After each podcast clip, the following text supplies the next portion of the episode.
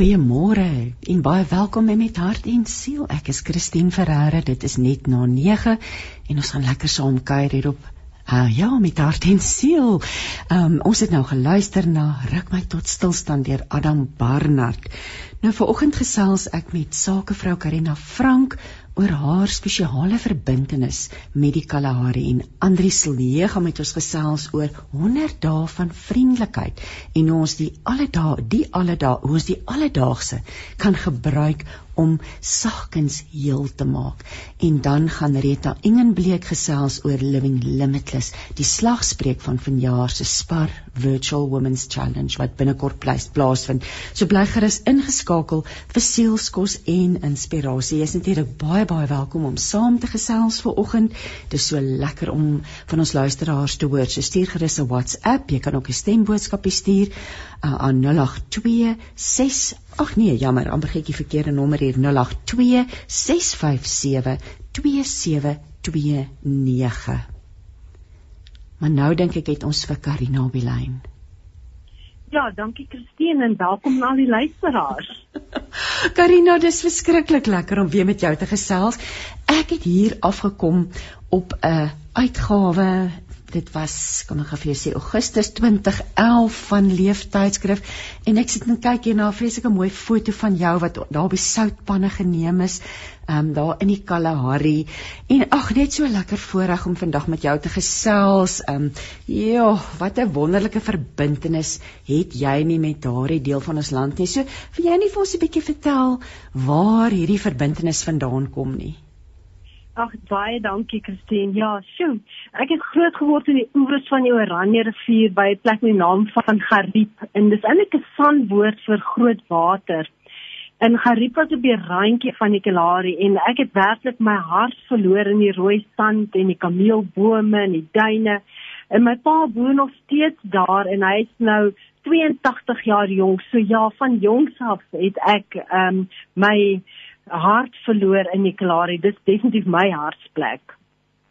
Ja, en natuurlik ek dit het absoluut jou menswees gevorm. Dit kan nie anders absoluut. nie, nie. As 'n mens so amper in vryheid met hierdie wye natuur om jou um groot word, bepaal ja. dit tog seker hoe jy as as mens funksioneer, nê? Nee. Dit is 'n sekere fondasie, nie van sand nie, maar van rots. Ek kan jou dit verseker. Ag, oh, oh, Karina.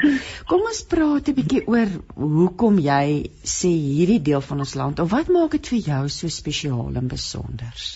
Ek dink daar's soveel dinge wat die Kalahari vir my partikulêr besonder maak, maar want daar is nêrens 'n plek in die wêreld as jy nou mooi gaan kyk. Daar is nêrens 'n plek soos die Kalahari. So daar's soos 'n bekoring wat moeilik is om vas te pen. Ek dink digters probeer al jare om dit te doen. Maar vir my is dit 'n plek waar ek die stad se stof kan afskud en weer kan asemhaal. En dit is nou ehm um, net die plek self wat waardevol is nie. Dit is ook die mense wat daar woon, die sout van die aarde mense. So daai kombinasie is my so belangrik. En ek het so 3 jaar gelede vir my in die hart van die Kalahari in die dorpie Askam vir my ware strooidak hartbees huis bekom. So daardie het my hartsplek geword. En hm. um, soos wat ek dit ook noem. So ek gaan soveel as moontlik daar woon om langs 'n kameelhoutvuur te sit op die hoogte van die Rooi Duin, die sonsopkoms te kyk en die ondergang en dan ook die blinkste sterre te kyk. So deklarie vir my is ek moet dit een een woordjie opsom. Dit vir my soos 'n vredeskaros oor my skouers.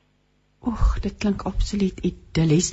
Ek weet julle het 'n dogtertjie en en ek neem aan deel van die doel van hierdie huis is om ook vir haar so gereeld as moontlik bloot te stel aan hierdie absoluut. landskap en sy mense, nê. Nee. Absoluut, die vryheid wat 'n kind daar het, dit is net ek meen die stad is so geweldig ingeperk en my gift, my my geskenk aan haar is dat sy kan vry rondhardloop in die duine en ehm um, net 'n ander kultuur kan aanleer en nie net die stadskultuur nie. So dit is my so so belangrik.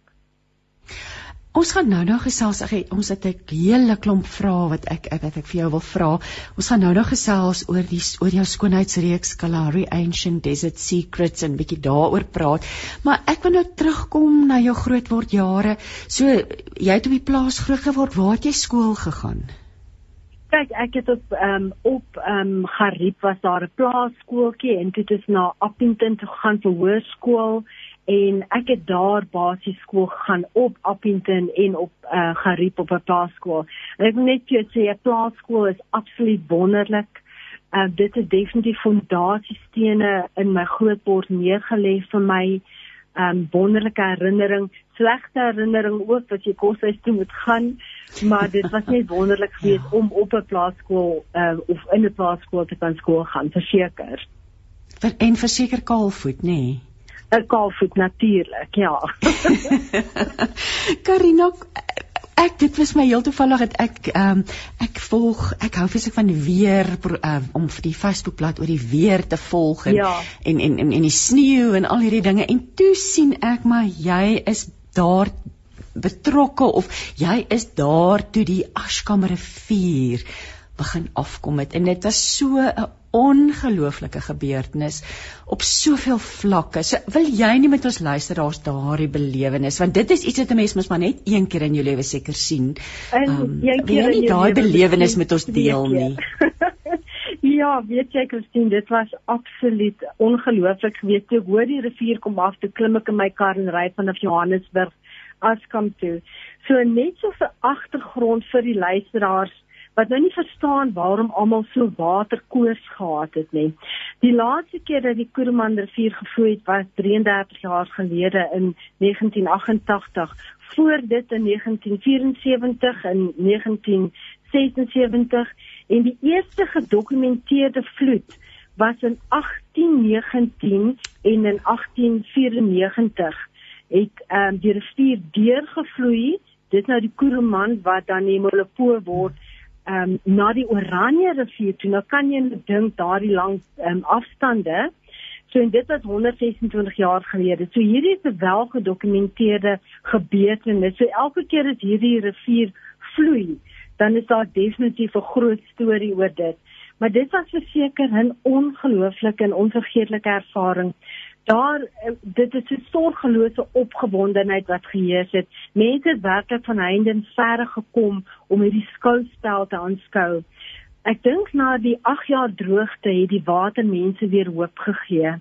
En die opgewondenheid het regtig geen grense geken nie. Vreemdelinge het gegroet asof hulle mekaar jare lank ken. Ou struwelinge en vieswees het hierdie water weggewas.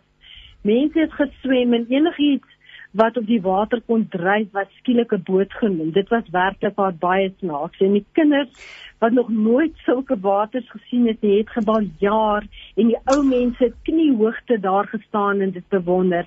Maar daar's 'n partikulêre prentjie wat ek nooit sal vergeet nie. Daar 'n ou man 'n kaalvoet gestaan en wag vir die eerste water om te kom. En ek sê vir hom, "En jy wat so alleen staan hier?" En hy sê vir my, "Mevrou, hierdie is die laaste kans wat ek gaan kry wat my voete nat om my voete nat te maak in die Kuruman rivier. Want ek is oud en die laaste keer wat ek gevloei het was ek ver in diep in die Kalahari. Ek staan nou maar hier en wag totdat ek ook genade water oor my voete kan voel. So dit was my net so dierbaar geweest. Maar daar was 'n ja. klank aan daardie voorwater en ons het een aand laat gery om te gaan kyk waar die voorloop van die ehm um, water is en die maan het so geglinster op daai water. En ons het skaalvoet daar gestaan sodat ons ook die eerste water in stone kan raak. Dit het so letterlik geborrel en geblaas ehm um, soos die water in die gate ehm um, ingevul word in die grond. Vir daardie oomblikke daardie dooie droë rivierbette is seegeel 37 lewe gekry. So almal het 'n naam gehad vir die rivier. Daar was voorloopwater, eerste water, lewende water, heilige water, bymekaar bring water. Maar ek dink vir my was dit genadewater wat elke skewe plek gelyk kom maak het en dit is hoekom dit vir my so emosionele ervaring was om daardie skouspel te aanskou. Want weet jy dit is absoluut wat jy sê nê nee, die die as jy dink aan die Israeliete as jy dink aan die woord van God en in in in hoe dit beskryf word die woestyn gedeelte sien hoe God lewe ja. beloof en dan ja. deur hierdie gebeurtenis want soos ek het dit self gevolg op Facebook en dan eh, was dit elke keer hy kom hier, gaan hy daar kom, gaan hy uitkom, gaan hy uitkom. Was die doel wit dat hy moet uitkom want want Askam het definitief 'n rol gespeel, um nie waar nie, nê? Nee. Of het ek dit ja, nou verkeerd? Definitief. Nee, dit was reg, maar weet jy, ek dink dit was water van hoop geweest, jy weet. Ja. En uh, ek dink omdat soveel mense betrokke was en dit En weet jy wat vir my die en ek het dit nou genoem, maar dit het mense bymekaar gebring. Dit was wonderlik. Ek het mense gegroet, mense het na my toe gekom wat ek nooit gesien het van tevore nie. En dit is net wonderlik geweest. Wonderlike ervarings. As daar 'n vuur afkom, is ek eerste daar, hoor. Ja, dit glo kan. En ek weet nou, hoe lank het dit geneem? Hoe lank was hierdie proses? Want julle was dit vir my gelyk en daar was ook mense wat pannekoek gebak het en dit was 'n ja. verskriklike ja. fees. Maar hoe lank was hierdie hierdie waterfees? Hoe lank het dit aangehou? Ja. Weet jy wat die mense piknik langs daai rivier gehou, gebraai, almal ingenooi of jy nou ken of nie. Ehm um, dis is vriend en vyand het om dieselfde vuur gesit vir daardie periode. Dit was omtrent so ek was net daar vir 1 week gewees, maar daai 1 week was so ehm um, wonderlik vir my gewees om net deel te wees van dit. Ehm um, dit is ek ek het eintlik nie woorde om dit te beskryf nie, maar dit was soos 'n kommentaar gewees. Waar is die rivier nou? Almal vra, hier is hy nou en almal het gejaag om net hulle voete eers in daai voorwater te sit. Dis 'n kinderlike opgewondenheid gewees. So ek hoop regtig dat die rivier weer gaan vloei ehm um, hierdie jaar sodat ek weer deel en ons almal weer deel van dit kan wees. Dis hom interessant hoe ons land en sy mense water en en, en nou meer onlangs die sneeu hierdie naweek het dit weer ja. gesneeu het dit nogal baie gesneeu hierdie winter hoe ons gaan kyk en gaan soek. Ons is eintlik so verbind in die natuur, nê? Nee? Ons ons ja, wese. Ons is so verbind. Ons is so soekende, maar ek glo altyd God is in die natuur. Jy weet, ja. so as ons net gewillig is om ons hart oop te maak, dan kan ons die mooiste en die kleinste goedjies sien wat God gemaak het. En as jy na iets kyk en dink, God, you made it beautiful. Jy het dit so mooi gemaak dan is dit net 'n wonderlike ervaring dan is die natuur net so 'n wonderlike ervaring ek kyk nou in op Psalm 52 wat sê maar ek dis vers 10 wat sê maar ek is by God en daar is ek soos 'n boom wat welig groei ek weet God sal altyd na my omsien hy sal vir my ja. sorg dit is natuurlik baie ja. natuurbeelde ja. ook in die in die woord um, maar ek wil nou vir jou vra oh, ek, ek ek ken jou as 'n 'n vrou van van diep geloof en met profetiese insig. Maar ek wil nou vir jou vra watter rol of watter impak het hierdie hierdie Kalahari, die landst, landskap, die landstreek en sy mense. Watse rol het dit op jou geloofslewe en en jou geestelike groei gehad, Karina? Weet jy wat as jy in die stad woon soos Johannesburg, dit is so alles is so vinnig en 'n tyd soos 'n commodity om nou die Engelse woord te gebruik. Ja. Maar weet jy my geloofslewe en geestelike groei het ek um, die stilte van die Kalahari het my so diep aangeraak as jy daar op 'n soutpan lê en al wat jy hoor is jou hart klop en daar kan jy weer God se se stem hoor want dit is net so besig so ons almal het 'n plek nodig waar um, ons nie net geestelik nie maar ook fisies rus gaan kry. En hoe sê die Engelse mense you disconnect to connect. En dit is wat die klaar is vir my vir my beteken. So die woestyn so so vir my wat dit na water waar rus is hy lei my daarheen.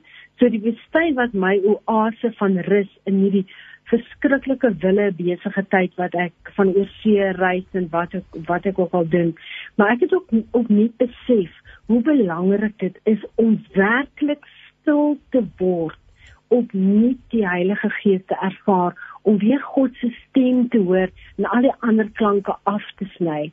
So my geloofslewe en geestelike groei het vir my wat my fokus was ek moet stil word om weer God se stem te kan hoor deur al hierdie geharwaar wat ons in lewe oor die drie skreer van Palleborwa het nou vir ons 'n boodskapie gestuur en hy sê goeiemôre sussie en gas daar by die draadloos doerver. Hy sê ek is seker die Kalahari is die voordeur na ons ewige tuiste. Hy sê dis altyd 'n onvergeetlike gebeurtenis, die oomblik toe my eerste oudste seun gebore is en toe my ouma die wêreld gegroet het. Maar hoe mooi die Kalahari is die oh, voordeur na's ewige tuis. Vir my is dit die voordeur en die agterdeur. Dit is pragtig, dankie vir daai woorde.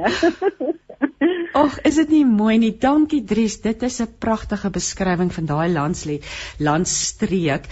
Karina, kom ons praat 'n bietjie oor ehm um, die grootste geloofslesse. Wat wat jy kan dalk 'n paar van jou wat jy Sure. Wag, laat ek eers weer begin. Deel ja. asseblief 'n ja. paar van jou grootste geloofslesse met ons luisteraars vanoggend. Ek dink ek kan 'n boek skryf oor my geloofslesse. Jy weet, die donker dale en die hoogtes en alles. Maar ek dink ons almal gaan weet iets wat ons verander en ons kan nooit weer teruggaan na daardie ou persoon nie, maar op daardie plek wat jy dink ag die lewe was so goed voorheen, maar onthou net God ontmoet ons altyd op daardie plek waar jy nou is. En um, die ander ding vir my is ons kan nooit nuwe wyn, nuwe idees in 'n ou ou wynsak gooi nie. En baie mense probeer so nuwe idees in hulle in hulle in hulle huidige wynsak gooi, dit wat net nie gaan werk nie. Jy moet die wynsak, ou wynsak weggooi sodat die vars wyn in 'n nuwe wynsak gegooi kan word. En dan hierdie ding, die vyand veg altyd die hardste wanneer jy na 'n nuwe geestelike hoogte toe gaan. So moenie dat jy ontmoedig word nie. Staan vas in geloof al is dit die um, die grootte van 'n sandkorrel. En dan die ander ding, ek hoor so baie mense wat ehm um, wat goed spreek oor hulle self. Onthou ons ons tong is so powerful. Jy spreek lewe oor jouself en almal om jou. So sien God se wonderwerke elke dag. Wees bewus van sy teenwoordigheid. En dit het ek geleer. In die Kalahari het ons bymekaar gekom en begin bid. Kom bymekaar en bid vir mekaar want ons is sy kerk. En die, God is nie in 'n gebou nie. Ons is sy kerk. En weet jy ek het gevind ek reis baie in Suid-Afrika rond met praatjies en goed, maar veral in klein gemeenskappe stap die duiwel rond soos 'n brullende leeu om verhoudings te verwoes en om te probeer om gemeenskappe uitmekaar te laat spat. Ons moet almal saam bid vir gemeenskappe sodat God se belofte van die nuut wat hy wil doen kan manifesteer. En ek sien dit in elke liewe klein dorpie, daai wig wat altyd tussen mekaar ingedryf word. So as ons die wêreld wil verander, dan moet ons weer soos vegters van oud en dit wat ek voel om 'n vuur sit saam met en saam met God se liefde weer opnuut leer ken. So word stil en spandeer tyd saam met God. Spandeer tyd saam met God, saam met mense. So dit is werklik my geloofslesse vir die paar maande wat ek nou bymekaar kan sit vir julle. Maar as ek nou dink aan die aan die aan die Kalahari en die Khoisa ja. mense en en daai afhanklikheid van die natuur. Ja. Nee, ja. Eh, daar's tog iets, daar's ook 'n les vir ons daar te leer. Weet jy wat, um, ek dink daar's uh, in alles is daar 'n groot les te leer as jy dit net wil raak sien. So um, ons is so afhanklik van die natuur. Kyk nou na hierdie verskriklike droogte wat nog ja. steeds heers in gedeeltes van van ons land. Ons is so afhanklik en al wat ons het is vir God en ons het vir mekaar. Maar ehm um, soos wat ek jou gesê, die duiwel roep rond soos 'n brullende leeu ja. in hierdie tyd wat ons by mekaar moet staan, is daar soveel tweespalt en onenigheid dat dit breek my hart om net te sien van klein gemeenskappe wat eintlik um na mekaar toe moet draai, maar wat wegdraai van mekaar af en op hulle eie gaan, op hulle eie missie gaan sonder God. En um ja, Karina mens sien dit dit daar's 'n definitiewe verdeling, daar's 'n daai verdeling ja. en dit is deel van die vyand se plan. Um, om verdeling en verdeeldheid te saai in in 'n moeilike tyd wat ons as mense moet saam staan. Absoluut. Weet jy wat, dit is vir my absoluut tragies. En ek praat nie partikulêr van van Askam nie, praat ook van ander dorpies wat ek ja. mee betrokke is. En dis net vir my baie hartseer dat mense so op hulle eie staat maak en vergeet dat God ons almagtige Vader is en dat ons eerder na hom toe moet draai.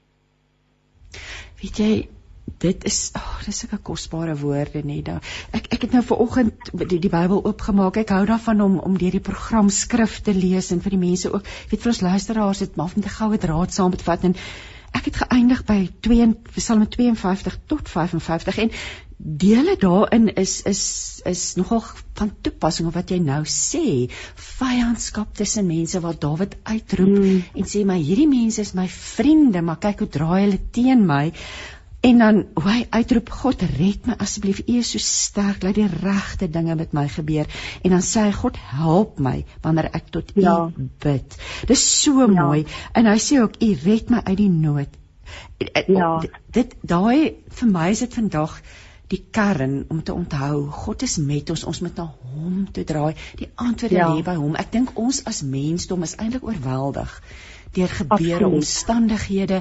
Ons weet amper nie hoe om dit te hanteer nie, Karina. Ek weet nie of jy dit ja. beleef nie. Ek het gesien op ook op Facebook jy's reg oor die land besig met met die Kalahari, die mense wat verteenwoordigers is van Kalahari Ancient Desert Secrets. Wat kom jy agterbome oor dat jy verdeeldheid opmerk? Wat wat lê in die harte van ons mense op die oomblik dink jy? Ek weet jy wat ehm um, weer eens dis dis nie net die Kalahari nie, um, maar in in die verdeeldheid wat onder mense is. Dan gebruik hulle die kerk as verdeeldheid en gebruik hulle opinies as 'n verdeeldheid. Dit is net vir my so absoluut hartseer. In in gisterand het ek uh, gelees in Jesaja in 58:11 en ek moet dit net vir jou lees. En die Here sal jou gedurig deurlei en jou siel versadig in dorp plekke en jou gebeente sterk maak en jy sal wees soos 'n tuin wat goed besproei is en soos 'n fontein wat waters vaar van die water nooit teleurstel nie. So um ek dink as ons net fokus meer fokus op God, meer by mekaar kom en ja, weer daar soveel kerke en, en die eerste vir my is ons dien een God, maar die kerke verdeel mekaar. Dit is vir my die verskriklikste ding om te sien. Hoe is dit moontlik ons dien dan een God, maar as jy in hierdie kerk behoort of dien in daai kerk, dan praat jy nie eers met mekaar nie. So hoe werk dit nou? So ek is nog besig met daardie geveg in my kop uh, te probeer verstaan dat die kerke moet ons bymekaar bring, maar dit vat ons eintlik uitmekaar uit, maar God moet ons almal bymekaar bring. So Miskien moet ons net slag met oë oopmaak en dink ons dien een God. Niks te doen met die kerke nie. Dit is ons dien een God. Ons is sy liggaam. Ons is sy kerk. So, ehm um, ons het dit was nog vir verlede week het. Ek het verlede week met met Jakobus Silver gepraat oor vir die Smit woon en hy het ja. gesê hulle het nie die luukse. Hy sê die platteland almal is saam. Hulle het nie hy sê saam saam onder Jesus. Hy sê hulle het nie die luukse van van elkeen se eie ding wil doen nie, omdat mense so afhanklik van mekaar is. So dit daar lê my iets daarin ook, maar kom ons praat 'n bietjie oor oor jou skoonheidsreeks. Um Kalahari ja. Ancient Desert Secrets. Vertel 'n bietjie Hoe het jy in die skoonheidswêreld betrokke geraak en hoe het hierdie produk, hierdie unieke produk wat sy wortels in die Kalahari het, hoe het hierdie produk tot stand gekom, tot stand gekom? Ja, Ja, sure. Ek sou omtrent al en as ek dit sê, dit klink ek vir myself so oud. maar ek was 20 jaar in die skoonheidsbedryf en die Kelari reeks is ehm um, hierdie jaar 11 jaar oud, partikulêr. So ehm um, Kelari is werklik gebore as gevolg van my internasionale kliënte wat 'n reeks wou gehad het wat Afrika uh, verteenwoordig en dit was maar net vir my baie natuurlik dat ek teruggegaan het wat uh, wat ek ken en dit was die Kelari. So dit was vir my 'n wonderlik dat ek my liefde vir die Kalahari en die plante en die mense deel kon maak vir my besigheid. Ek meen wat 'n perfekte besigheid.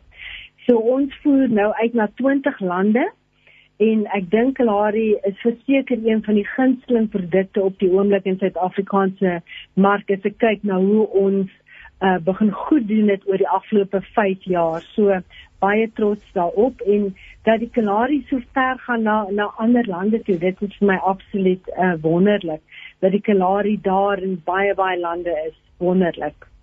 Daar's natuurlik 'n fascinering, nê? Ehm um, mense is gefassineerd met met die landstreek, met die met met met ja. al die plante en ehm um, so want ek weet dit dit is die die die die, die essensie van die produk is die gebruik van natuurlike bestanddele en jo ja. ek het jou al hoor gesels oor al hierdie verskillende bestanddele so Karina en dit is so interessant wil jy nie vir ons bietjie vertel van die plante wat jy gebruik ja. vir ekstrakte van die plante en natuurlik mense gebruik nie net die wortels nie gebruik maar vertel asseblief vir ons bietjie oor die plante wat jy gebruik En natuurlik, so kanarie ons moet 'n phytoceutical velsorgreeks. So wat beteken dit ons formulasies uh, plantaardige olies en ekstrakte bevat in kombinasie met die nuutste tegnologie. Dis nou soos peptide en um, al die nuwe nuwe goed. So plante is daar vir ons genesing en dit is my wonderbaarlik om te sien wat ons met plante kan doen en wat dit vir ons kan doen. Ek meen God het dit gekreë net vir ons. So ons gebruik plante van reg oor die wêreld, maar in partikulêr gebruik ons plante van die kalarie soos duiwelsklou wat ons gebruik vir teen-inflammasie vir die vel, kalarie wat lemoen, dit so kleintjie ons noem hom ook uh, tsama of karkoer. Ons gebruik die pitolie wat natuurlik jou vel sag en soepel hou dan is daar ook 'n plant die resurrection plantolie. Hulle noem hom ook die rose um, van Jericho wat eintlik Jesus is. So want daai plant lê dormant vir sê net maar jare lank. Soos in 50 jaar kan hy dormant lê. En wanneer hy bietjie water kry, hy het so spesiaal ek ek ken nou nie die Afrikaans hier dit's glycoside mechanicide in hom wat dan onmiddellik binne 'n paar ure is hy plant weer groen. So wys jou net as jou hart dor is, die Heilige Gees, die water kan jou weer lewe gee. So uh, daardie uh, plant partikulêr hou dan die vog vas in jou vel. So dis maar net van die plante wat ons gebruik van die kalarium, maar ons werk ook saam met die Universiteit van Pretoria wat hulle navorsing op inheemse inheemse plante betref.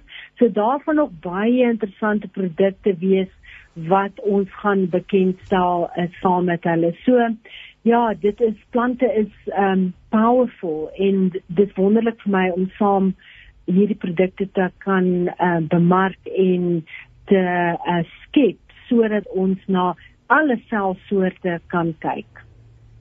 En sê vir my gebruik julle ek bedoel dit uh, klei en ander elemente sout of nie ja. noodwendig nie water ja. uit die Kalahari hoe want mense me, ja dit is tog so daar's soveel ja, wat hierdie landstreek bied wat die Kalahari is van die mooiste soutpanne skoonste soutpanne in die wêreld so ons gebruik baie van die sout in ons lyfprodukte vir afskolfering en ons gebruik 'n verskillende kleie wat is reg oor Suid-Afrika kry verskillende klei saam uh wat ons op die vel gebruik en op die lyf gebruik.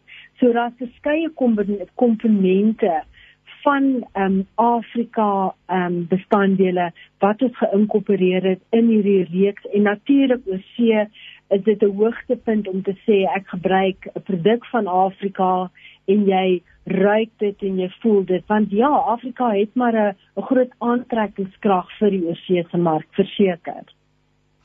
Karina, ek hier's 'n aanhaling wat jy gesê het en ek wil jou 'n bietjie daaroor gesels. Jy sê ons probeer mense aan die buitekant mooi maak, maar God kom en maak van binne af gesond. Want ja. sout, ek mense daardie assosiasie amper net sout op die wonde, dit maak gesond eintlik. Ja. Kom ons praat oor gesond maak van binne mense wat kom ons brei 'n bietjie vir ons uit oor hierdie mooi aanhaling van jou weet jy, um, ek glo altyd en dis nou hoekom ek ook 'n nuwe reeks begin het is uh, Kalari Pharmaceuticals, want vir my gaan dit nie net om die vel mooi te maak nie. Dit gaan ook vir my belangrik uh, belangrik om die binnekant gesond te maak, die gesondheid na die gesondheid te kyk, maar ook geestelik. So daar is soveel mense wat soos 'n woestyn rondloop en hulle het net daai bietjie aandag, liefde, daai water nodig en ehm um, is is 'n kyk byvoorbeeld oor see. Die kerk het staan toe, hulle het museums geword en art galleries geword of huise geword. So en een ding gaan my my nooit ek gaan dit nooit vergeet nie. Die ek het ek het 'n presentation gedoen ek dink was in Sweden geweest. Toe sê die een dame vir my Karina jy het die naaste Bybel wat ek ooit gaan kom. En dit is vir my so geweldig geskok so net daai liefde wat mens uitstraal en nie noodwendig die Bybelversies hulle lees nie want hulle so ver weg van dit maar net daai liefde en warmte wat jy vir hulle gee dan voel hulle al klaar hulle is gekoester en dan maak dit 'n deur oop wat jy meer met hulle kan deel. So, ehm um, ons moet na mense kyk, nie net oor see uh, oor see nie, maar ook lokaal. Ons weet nie wat se pad daardie persoon stap nie. Ons weet dit nooit. Mense is so goed om dit te masker. Maar as ons net almal uitgaan en net 'n ware, hoe sê jy, sinseer liefde en omgee aan mense betoon, um, dit is net op daardie oomblik wat hulle dit raak gaan sien. Sê jy weet jy wat God het my nie verraad nie. Hy het daai persoon gestuur of my te wys daar is nog steeds liefde en omgee en 'n genade vir my oor. Weet jy ek wil heeltyd terugkeer na die die resurrection plant of wat jy het hulle om die ja. roos van Jerigo want ja so kan baie van ons se geloofslewe of ons mens wees dalk verdorf voel nê en om te ja. weet ek wil weer terugkom by die water as die lewende water van God se ja, gees ja, ja. oor jou spoel deur sy ja. woord kan ja. jy weer groen blaartjies uitstoot en ek dink dis so 'n belangrike boodskap dat ja al bly dit vir jare dormant al lê dit net daar nie God sal jou nooit alleen laat nie en sy opstandingskrag kan geweldige verandering in jou lewe bring Absoluut. En weet jy wat, in die plant sy tegniese naam is soos resurrection plant. So en weet jy wat hy lê 3 dae in die water voordat hy ten volle groei is. Is dit nie pragtig nie? 3 dae en 3 nagte was Jesus in die in in in die, ja. in die graf gelê nê. So, so na 3 dae begin hy al water. So, ja. Ja. So dit is my baie simbolieke produk. Ja, Jacqueline het nou vir ons 'n boodskap gestuur. Sy sê al is daar verdeeldheid onder mense en al kan Satan verantwoordelik daarvoor wees, sê sy dit is nogtans binne Elohim se beheer en soms is dit 'n instrument wat die om die koring van die kaf te skei, om die ware ja. aanbidders na vore te bring. So dit ja. kan ook wees hoe sal ons regtig ooit weet wat God se plan is? Nee, ons ons sal dis soos 'n speel in 'n raaisel. Nee, ons moet regtig weet nie. Maar wat jy ook gesê het men, jy is dalk die enigste Bybel wat iemand ooit lees en die, die ja. enigste ja. kans wat iemand het om te sien hoe lyk 'n gelowige. Ja. Kom ons praat 'n bietjie oor julle sosiale verantwoordelikheid want ek weet jy het 'n groot hart Karina en en jy maak jy maak 'n impak op daai streek. Jy woon hoofsaaklik in in in Johannesburg. Jy reis gereeld praat 'n bietjie met my oor oor julle sosiale verantwoordelikheid en wat julle alles daar doen. Weet jy, ehm um, dit wissel baie. Ek is betrokke by verskeie ehm um, sosiale gemeenskappe wat ek 'n uh, verskil wil sien. En weet jy wat? Ek ek voel altyd mense dink so, ag weet jy, ek kan nie goed doen nie, dis te veel moeite. Maar weet jy wat, as jy net in jou omgewing, in jou klein omgewing uitreik, kan jy dink die impak as mense net vir die buurvrou ietsie vat of net vriendelik wees vir 'n oomblik. Dit is moeilik. Jy weet, uh, maar ja, as jy terugkom na ons goed, ons doen verskeie voedingsprogramme. Um, ons was baie lank betrokke met die um, skole daar op um, op Askam, uh, die Koopman skool. Dit het nou baie verander maar um, ek het nog steeds projekte wat ons werk verskaf aan vrouens en nie noodwendig in die Kalahari maar in ander gedeeltes van Suid-Afrika wat vir my uh, goed vervaardig. So dit is so in Engels man sê job creation want um, dit help nie jy gee vir 'n persoon 'n vis nie. Jy moet vir hulle 'n vislyn met 'n hoek aangee sodat hulle jy weet iets kan doen. So el, in elke plek van ons um, besigheid is daar altyd iets wat ons kan doen. Ons ehm um, ja, uh, support mense finansiëel ook met sekere projekte. Ehm um, so dit is werklik vir my belangrik dat elke maatskappy, elke persoon, elke huishouding dat hulle iets gaan terugploeg in hulle gemeenskap om dit 'n beter plek vir mense te maak. So ja, definitief um, ons is besig met voedingsprogramme. Ek het uh, in die Kalahari, ek het um, uh, gee baie kos uit daarso. Um, ek het ook nou op die stadium na die honde gekyk. dit klink nou na 'n silly ding, maar as jy na nee, die maag geraamd kyk, as jy my maag geraamd kyk, ek kon dit nie oor my hart kry nie. So um, oh. ja, dit hang af van waar die nood is daar stap ek in en sê okay kom ek help julle so dit werk vir my net 'n goed voel ding en ook iets wat ek vir elkeen kan doen. Dit is nie buite bereik van enige iemand om goed te kan doen nie Jacqueline herinner ons nou net en ek het ongelukkig net die program gehoor nie, maar sy sê Janine het tydens 'n program oor Romeine oor die resurrection plant gepraat. So ek wonder of daardie program dalk beskikbaar is op 'n pot gooi as iemand belangstel om bietjie dieper en meer te weet van hierdie mm. ehm mm. um, opstandingsplantjie.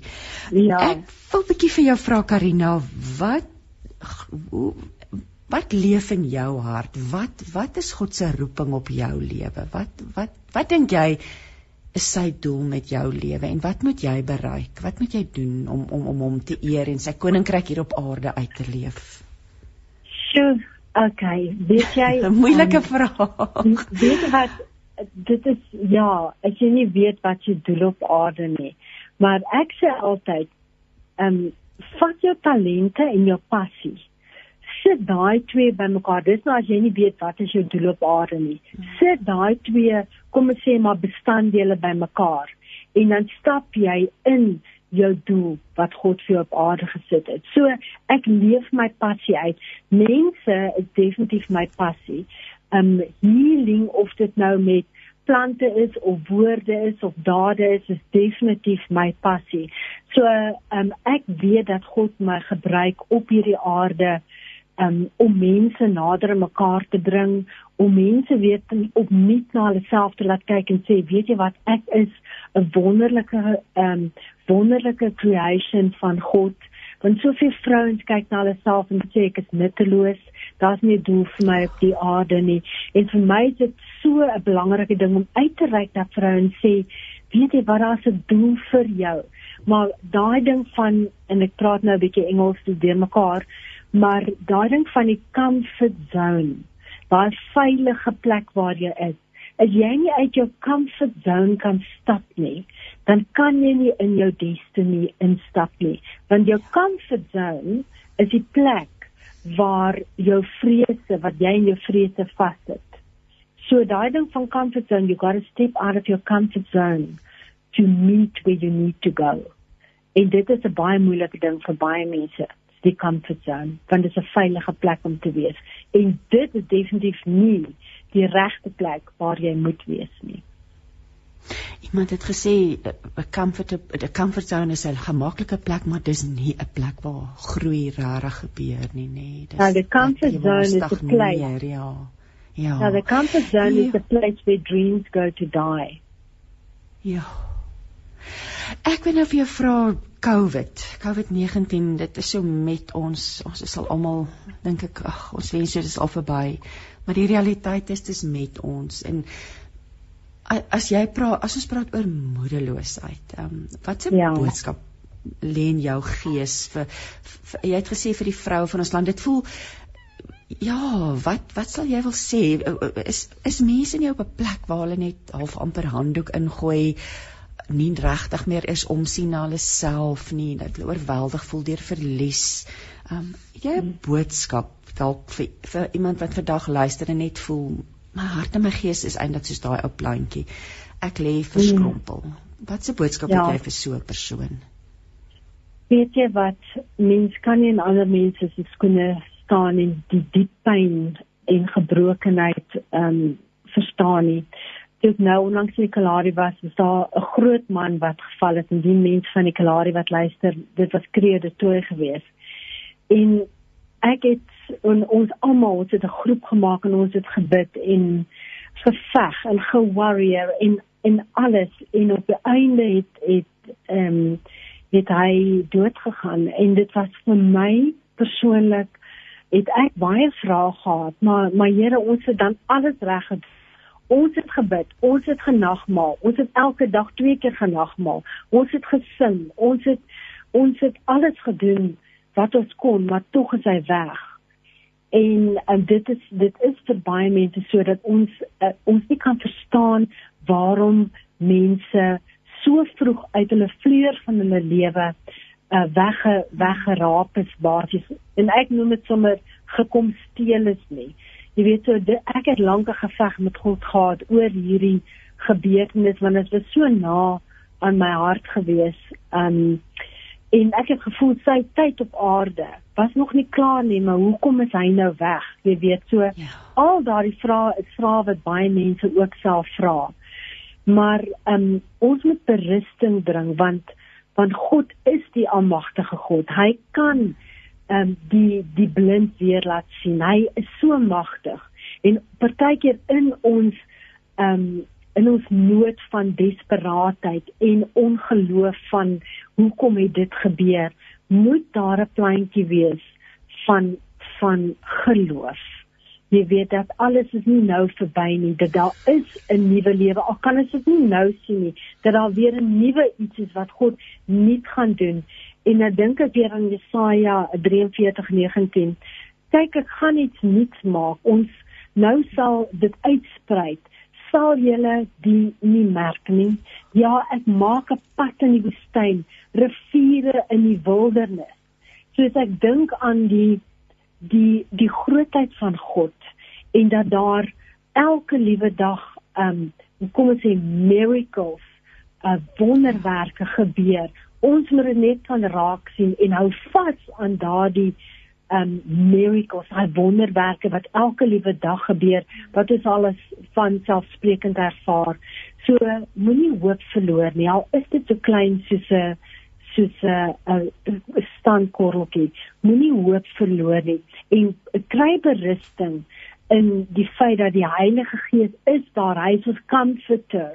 So gaan staan op jou knieë en gee al jou hartseer oor aan Jesus sodat hy vir jou kan kom leer hoe om sterk te wees so dis al wat ek kan sê want ek is nog steeds hartgebroken oor soveel mense na my wat voor hulle tyd weg is en soveel vra, maar al wat ek kan doen is ek kan terugkeer na God se belofte dat hy iets nuuts gaan doen, dat hy ons nie vergeet het nie.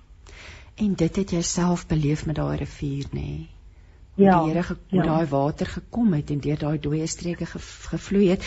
Ek sien nou hier in Psalm 54 vers 6 staan daar die Here hou my lewe in sy hand vas. Ja. Ek dink dit so oh, om net daaraan te dink, o, oh, al beleef ek verlies. Die Here ja. hou my lewe in sy hand vas.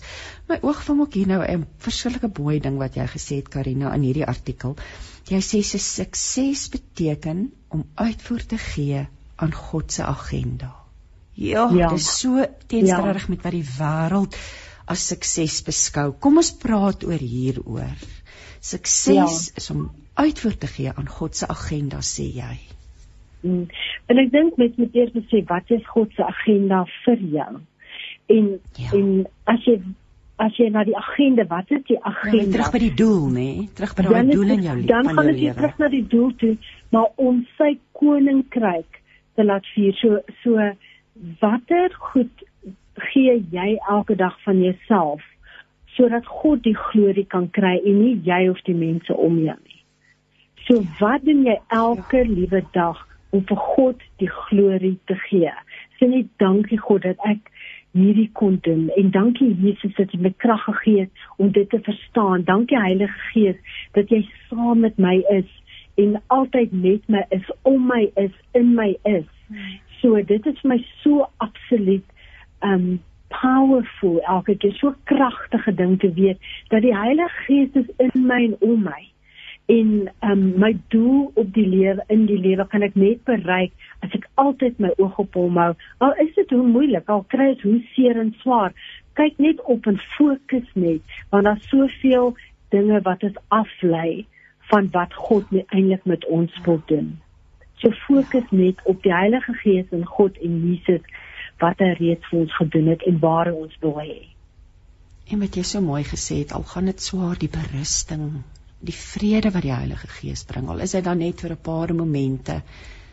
Ja. Jy bewus is van sy teenwoordigheid en daai groot vrede beleef te midde van regtig groot verliese en baie verliese. So Karina, ek wil vir jou verskriklik mm. dankie sê. Ons het aan die einde van ons gesprek gekom. Net 'n laaste vraag, waar kan mense julle produkte in die hande kry hierdie Kalahari Ancient Desert Secrets skoonheid reeks? okay, ons ehm um, jy kan ons landwyd kry. Ons het selfs klinieke ons het meer as 500 waar jy ons produk kan kry. Maar besoek ook ons webblad. Jy kan direk daar bestel. Dis kalarilifestyle.com en daar kan jy jou eie produkte bestel. Daar sê so en en dit is vir alle velsoorte.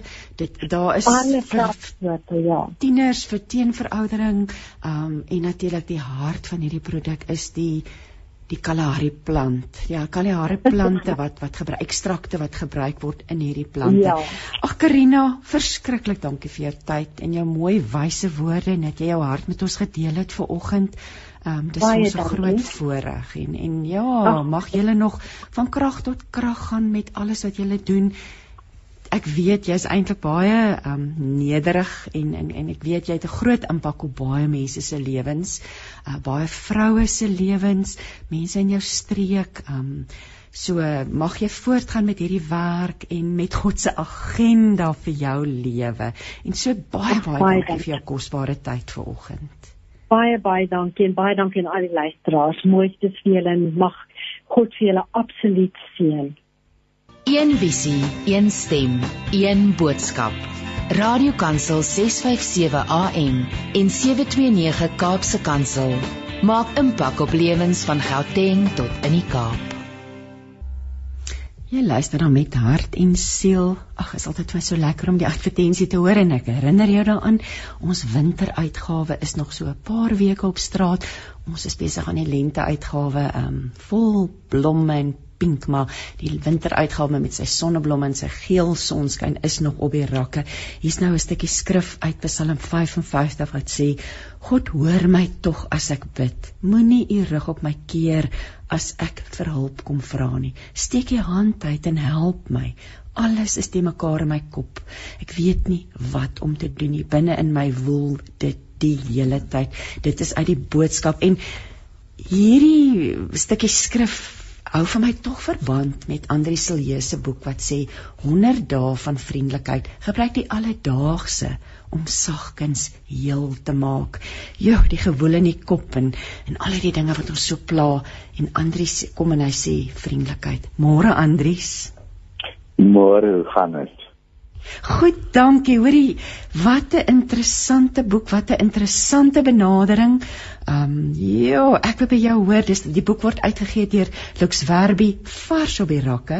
Ehm um, jy is 'n Andrew Murray Prys wenner, so 'n skrywer van formaat en ja, en agterop op die boek sê dit jy inspireer ons om vriendeliker te leef en te wees met die mense rondom ons, met onsself en so, so leer ken ons ook ons vriend natuurlik Jesus Christus. Andries, jo, wat het wat het jou laat besluit om om om met die woord vriendelikheid te reis en en waar het die idee van hierdie boek ontspring? Die op 'n dag het 'n uh, lidmaat van my, uh, Chris Derksen, het vir my 'n praatjie aangestuur wat iemand oor kindness gehou het. En ek het die praatjie gelees, dis nou 'n sekulêre hoog hoogpunt uit. Ja. En dit het gedink aan kindness as een van die vrugte van die gees. Ek het nou gaan kyk die Afrikaanse 83 vertaling gebruik vriendelikheid. Uh Maar kindness is natuurlik vir my 'n baie vleier woord. Ja.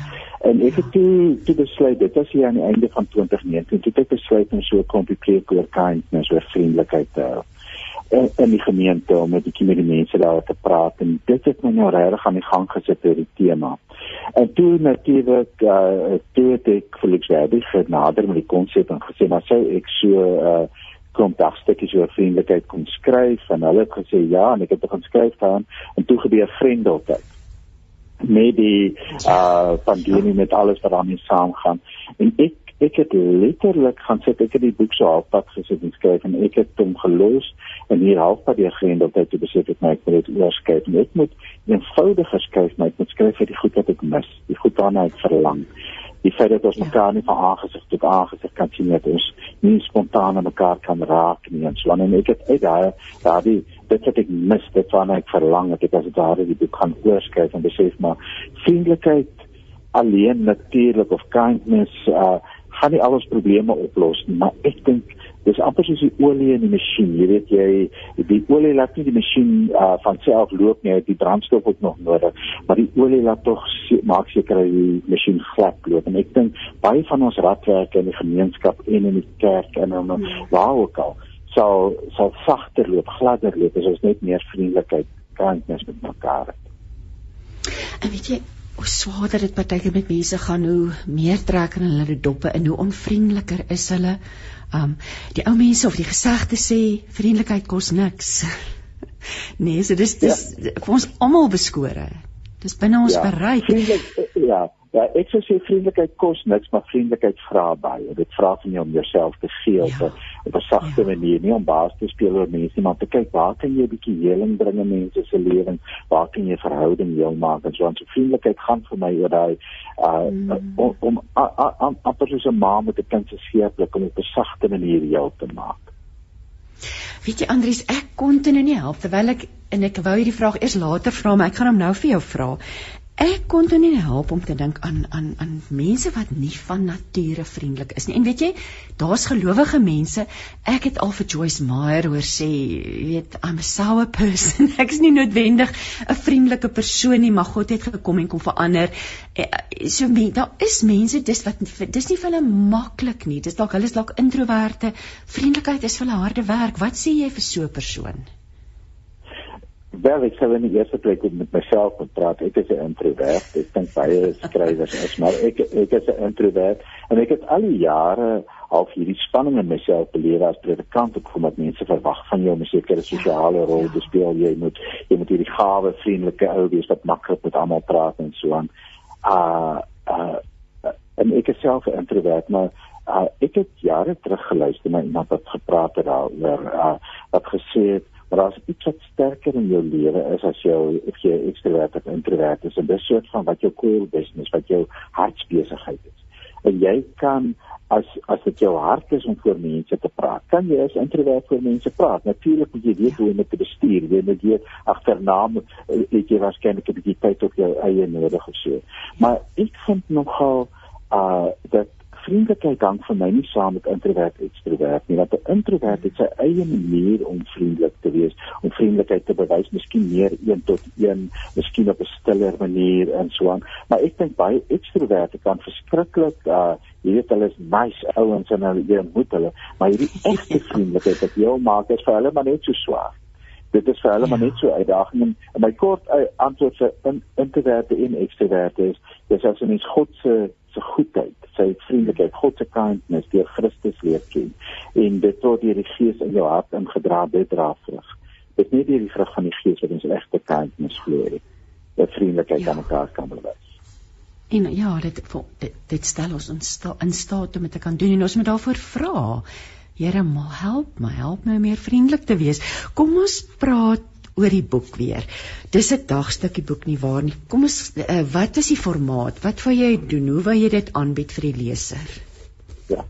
Hier ek uh ek sê voor in die boek dis nou 100 dagstukkies met ander woorde dit vir jou so 'n stukkie oor 3 maande vat as jy dag vir dag lees. Maar, maar maar dit is net 'n vorm. Jy kan in 'n sin kies. Dis nie 'n klip gekap Dit is 'n menslike vorm wat ek aan gegee. Jy kan die boek deurlees op jou eie tyd. Jy kan korter vat, jy kan langer vat. Wat nogal vir my belangrik is, is ek het probeer om 'n sekere ritme in die boek te bou. Daar's 'n uh, uh, uh, 'n hele klomp temas en uh, uh, en daai temas gaan dan uh, elke sewende dag. Daar's 'n openingsdag, die eerste dag en dan gaan jy weer sesde en dan kom jy weer die agste dag. Dan staan 'n blaaskans. En dit is 'n 'n dag wat jy as dit ware jou eie vriend moet wees en jouself ook 'n bietjie moet verdiep mm. in in God se vriendelikheid en Christus se vriendelikheid.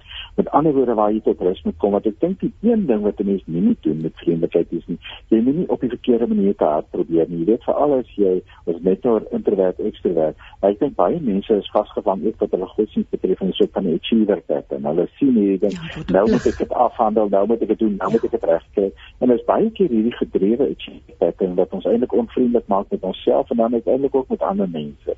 En nou raak ons gefrustreerd as ons dit nie reg kry nie of as ek vriendelik is aan ander mense reageer nie vriendelik nie op al sulke goeders. Daarom is die ritme van die weeklikse blaaskans vir my om net tot rus te kom en iets van God se goedheid op verskillende maniere te belewe is vir my verskriklik belangrik.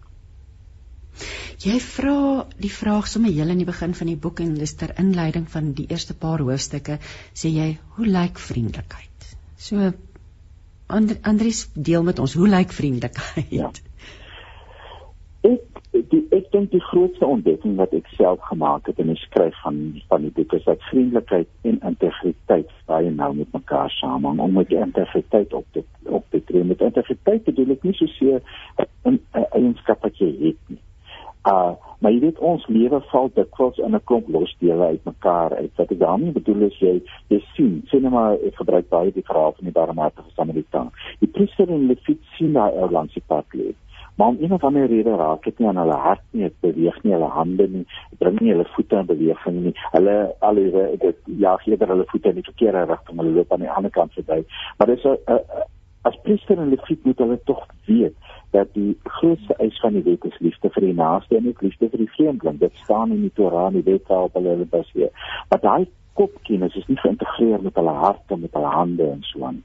En daarom sê ek die belangrikste ding is dat dit wat ons weet uit die woord en dit wat ons voel, ons kyk en dit wat ons doen met ons hande en die pad wat ons voete loop dit moet geïntegreer word. En ek dink ons is eintlik maar almal in 'n integrasieproses nog. Ons is besig om heel gemaak te word. En dit is juist soos wat die Here jou heel maak en jou integriteit leer dat jy begin besef maar ek kan nie een ding glo en 'n totaal ander ding uh, doen nie. Wat ek glo uh, dat mense in nood my hulp nodig het dat God my stuur om mense te help waar hy hulle oor my pad bring. Dit moet my hart raak dit moet my hande in beweging bring dit moet bepaal die pad bepaal wat ek loop. Dis my mooi jy het nou net daarna verwys hoe jy op die woord vriendelikheid op besluit het. En ek wou vir jou gevra het oor die woord maar dit dit kom so tussendeur gesprinkel dat dit eintlik reg deur die woord voorkom. Paulus sê liefde is vriendelik in Korintiërs 13 vers 4 en jy sê die Engelse vertaling hiervan lui love is kind. Ehm um, so ja. dit is en jy sê ook sommer aan die begin van die boek dit is waaroor ons gaan nadink, die ja. verskil ja. wat kindness maak. Jy sê vriendelikheid ja. bring genesing. En wil hier's en hier's voor bladsy as ek nou hier kyk twee, oor die 200 232 bladsye hier oorgeskryf sê dis eintlik 'n onderwerp wat ons die hele dag oor kan gesels hoe hoe op watter maniere glo jy bring vriendelikheid genesing ek ja, goed as 'n mens byvoorbeeld die verhaal van die barmhartige Samaritaan gebruik daai man wat langs die pad lê sou doodgebloei het as die Samaritaan nie vriendelikheid, kindness omgee aan hom bewys het nie. Uh as as hy uh, selfs bygeloop het om gesien het te gesê ag voor tog skyn jy weet hier hier lê die arme ou maar ek het nie nou tyd nie of wat ook al sou dit die man net gehelp het nie. As hy nie dit ook in die praktyk omgesit het en sy praktiese vermoëns gebruik het om aan hierdie man te vat en hom te versorg en ek voorsorg vir sy pad vorentoe te tref. Maar ek dink vriendelikheid bring op baie vlakke bring dit heling. Um die die Griekse woord wat met vriendelikheid vertaal word is is die woord Christus wat dit word gebruik word vir God se goedheid. En um Louis Smith het in sy boek oor 1 Korintiërs 13 'n Amerikaanse predikant wat nou al oorlede is, teoloog, baie gesê dat uh uh God's kindness is when God uses his awesome power uh in gentle acts of healing. Dan 'n God wat met die krag waarmee hy sterre gemaak het in die heelal en sande my aanraak en my hart genees en my troos en so aan. En 'n deel wat 'n mens miskien kan gebruik is van sien nou maar 'n ou wat groot en sterk is, 'n liggaamsbouer wat 'n babietjie vashou en die babietjie koester in sy arms. Hy kan daai babietjie met sy krag vermors van my gebruik sy krag om die babatjie te koester en veilig te hou en vir 'n veilige plek te kry. Dis kindness. En ek dink sonder kindness kan geen mens jou wees. Jy kan nie die wêreld dien ons almal wonde toe, ons dien onsself wonde toe. Ons dien ander mense wonde toe en baie keer is dit die swaarste om saam te leef met die seer van ek weet ek het iemand anders seer genoem. En die kindness van vergifnis, die kindness van help, die kindness van 'n hand uitsteek, dit maak 'n verskil. Dit dit bring heling. Ja, jy vat ons dan van daar af sommer vroeg in die boek na na die plek waar jy sê leer ken jou beste vriend. Kom ons kom ons praat daaroor. Ek ek glo dat Jesus Christus die ek meen uit dat as kind nog het ons nog gesien wat 'n vriend het ons in die nee, wat in ons plek kom ja. staan. En uh en daar is so baie trouens ek dink as jy dit wat ek by Christus geleer het uh nie net uit die natuurlik in die eerste plek uit die evangelies uit die woord maar in die tweede plek uit my eie saamleef met Christus wat deur sy gees in my lewe met my lewe deel van die liggaam van Christus.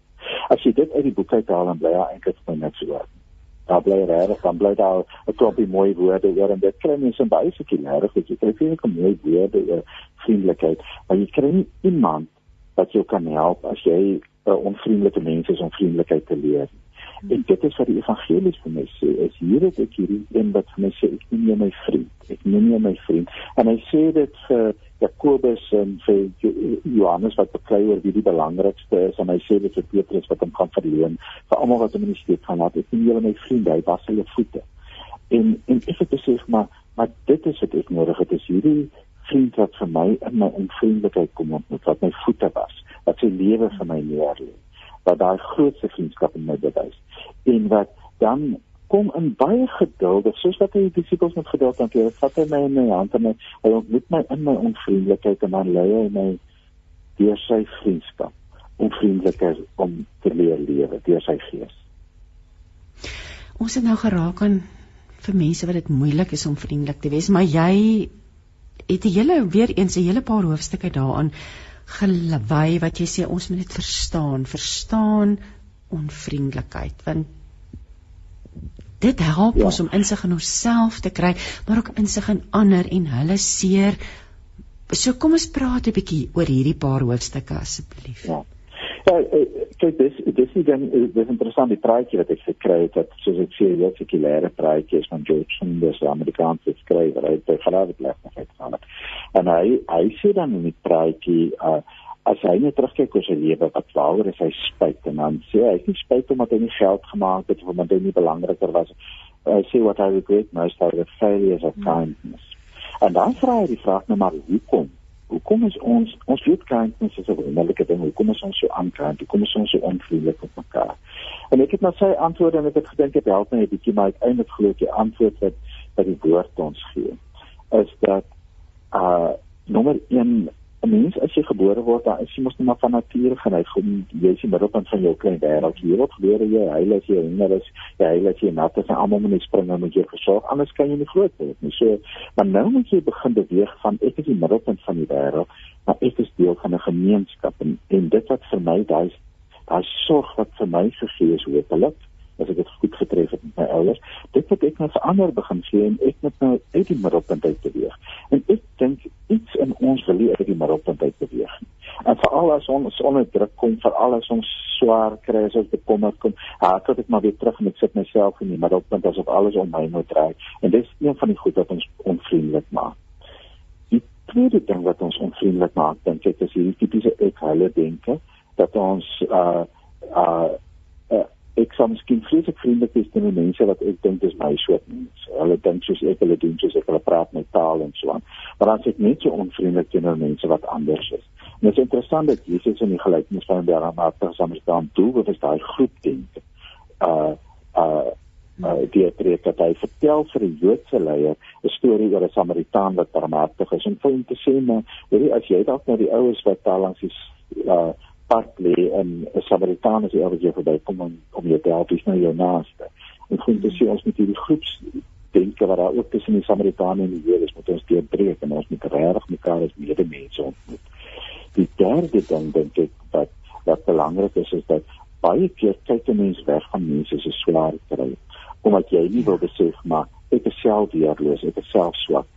So as jy uh bedoel kry met iemand wat uh sien nou maar sukkel met depressie en dan jy sê ag dankie tot ek is nie so nie.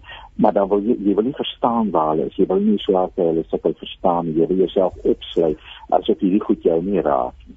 Jy wil amper leef asof jy nie op 'n sterklike mens is met swakhede nie.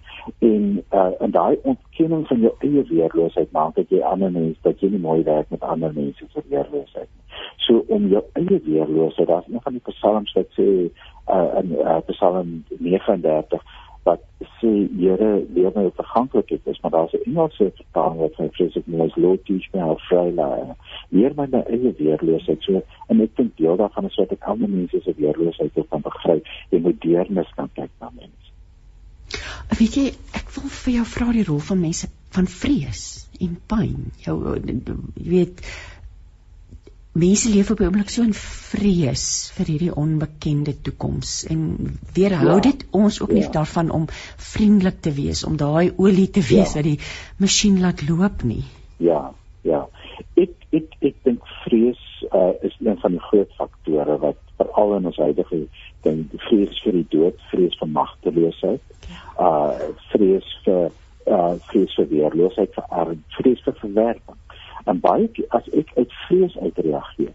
Uh, en dit sê in Johannes 4 mens nog ons baie duidelik dat liefde dryf die vrees uit die volmaakte liefde van God dryf die vrees uit. Maar die omgekeerde is ook op 'n menslike vlak waar dat as ek myself oorslaan vrees aan dryf ek liefde uit my hart.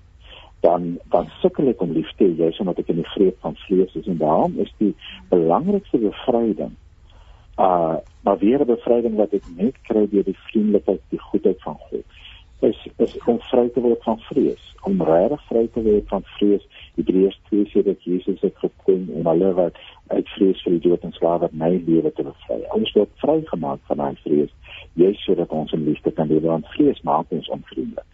As ek nou bang is jy gaan my verwerp sê nou maar dat tree ek sommer by voorbaat al het stuurstene wil op en ek is sommer al klaar want ek is bang jy gaan my verwerp. As ek in 'n groep instap en ek dink hierdie mense gaan nie van my hou nie tree ek dit ook op 'n manier wat maak dat hulle nie van my hou so vrees word hierdie selfvervulling profesie en as ons vry kan word van vrees dan word ons vry om vriendelikheid te lewe. Ja kindness te lewe. Dis nou interessant en hy, jy vat hom nou verder en dan begin jy uh, ons het al so 'n bietjie gepraat oor die integriteit, uh, die koppeling tussen vriendelikheid en integriteit. Ehm um, jy sê ons het gepraat oor om God te vra. Jy sê luister na jou vriend, maar dan vat jy hom na vriendelike oë toe en dis so van toepassing vir hierdie maskertyd. Want as ons nou in aanraking kom met vreemdelinge, het ons 'n masker oor ons gesig. Jy praat van die verskillende liggaamsdele, maar kom ons praat 'n bietjie oor die vriendelike oë ek dink vriendelike oë uh, kan in hierdie tyd al die verskille in die wêreld maak die manier waarop jy kyk na mense. Ja. Jy's jy's omdat oë is amper die enigste kontak soos jy reg sê, dis die enigste kontak wat 'n mens het. Dit is my opvallend jy nogal soms uh sien nou maar as jy mense buite konteks raak loop soos ek loop 'n lidmaat skielik iewers in 'n winkelsentrum raak. Dat ons sukkel om mekaar onmiddellik te herken want ons het altyd die maskers op, né? Jy sê as jy uh jy lees mense moeiliker met die maskers. Maar dit beteken juist dat die dat ons moet fokus daarop om die manier waarop ons kyk dat ons moet seker maak ons kyk met Jesus se oë. Ons kyk met vriendelike met sagte oë. Uh ons kyk om die goeie raad te sien, ons kyk om die seer raad te sien, ons kyk om mense se swake raad te sien. En nie met skerp oë wat mense deur deur om hulle foute en goeders raad te sien. En ek dink dit is dit is my 'n uh, geweldige belangrike ding. Jy skryf so mooi. Ek ek wil dit graag lees. Jy sê ons sien en ons word gesien. Elke mens het die behoefte om raak gesien te word, maar dikwels sien ons nie ander mense raak nie. En ons wil vriendelik aangekyk word, maar die vraag is of ons vriendelik kyk. So ja, jo, jy, jy, jy vat vir ons diep ja, as, op die paie Andries. Ja, um, ja, as ek gou so vinnig iets kan vertel daaroor my my vrou uh het 'n uh, uh, program uh, uh, sy's uh uh bestuurder van 'n program uh NGO wat hier in Elsenburg in die skole werk. En uh sy het nou met die vrouens, met die ma's wat betrokke is by die skole. En hulle werk om kinders te help. En toe die vrouens van Elsie se vier uh, hulle saam gepraat en hulle het ge, gekom met die ding van hulle sit die kinders in ICU ek sien jou want hulle sien die oh. probleme met baie kinders is hulle voel hulle word nie gesien nie niemand sien hulle raak nie niemand gee om nie. En ek dink dit dit is 'n manier wat ons waar so baie mense sukkel in ICU en hierdie tyd veg vir hulle lewens en vir asem maar dat ons in die alledaagse lewe sê kom ons sit mekaar op 'n ander manier in ICU dat ek kom mekaar sê ek sien jou regtig as mens raak Dis ook so mooi hierdie blaaskans dit is my pragtig dat jy eintlik vir jou leser aanmoedig en toelaat want ek dink baie mense laat hulle self nie toe om tot rus te kom nie. So hier aan die einde van hierdie gedeelte sê jy laat jou oë rus. So wat jy ons aanmoedig hy sê gee en met 'n gebed eindig mens jy dan gee rus vir my oë Here en vrede vir my hart dat 'n mens ja laat jy vir 'n slag net ja ja tot rus te kan kom van al hierdie dinge wat ons waarneem en raak sien en dan lei jy ons na 'n vriendelike hart toe Andries. Kom ons praat 'n ja. bietjie daaroor.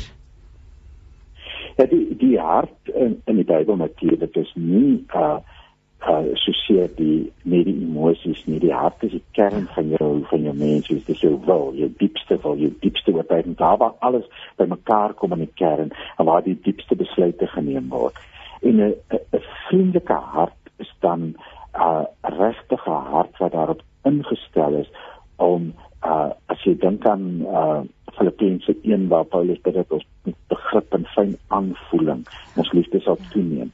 Nou dis 'n hart wat so volgemaak is van die liefde van God dat ons onsself oefen as dit ware in begrip en in fyn aanvoeling om om regtig regtig te probeer verstaan en om dan ook toe te laat dat dinge in jou hart raak. Ek ek werk ook met die onderskei tussen die hart van klip wat jy by die see kry, die hart van ja. klip en die hart van vlees. Hart van klip is hart wat opgehou het om te voel en ek dink dis 'n groot gevaar deur in tyd van pandemie, ook na die onluste wat ons gehad het en so net die mense oorweldig raak deur al die slegte nuus. Jy raak oorweldig deur die armoede en die swaarte en die geweld en die ellende en dit hard maak. Ek jy sê maar ek, ek ek kan nie hierdie goeders voel nie.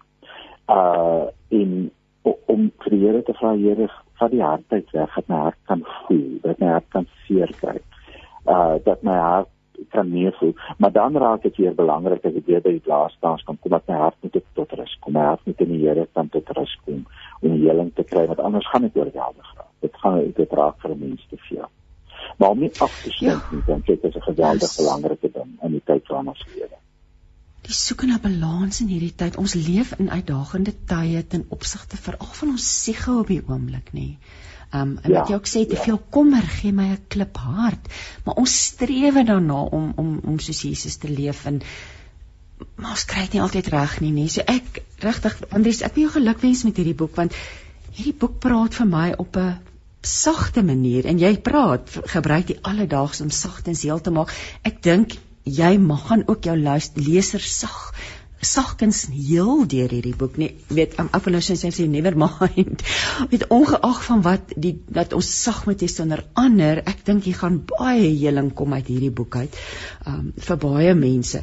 Kom ons praat jy praat oor die voete die voete ons daar word so baie in die Bybel ook oor die voete gepraat die pad wat ons loop. Die pad van vriendelikheid hoe kan ons voete ons bring tot hierdie pad?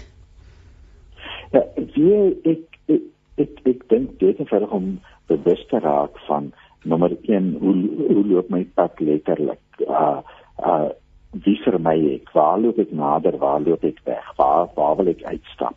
Wat maak dit ek wil uitstap nee uh so om 'n bietjie te gaan sit eers en te dink hoe het my spore nou die afgelope week geloop en waar het ek dalk doelbewus nader aan mense geloop maar waar het ek dalk doelbewus weggeloop van mense uh ek ek ek ek dink dit is om om regtig te besef maar maar my voetspore kan vriendelik of onvriendelik wees.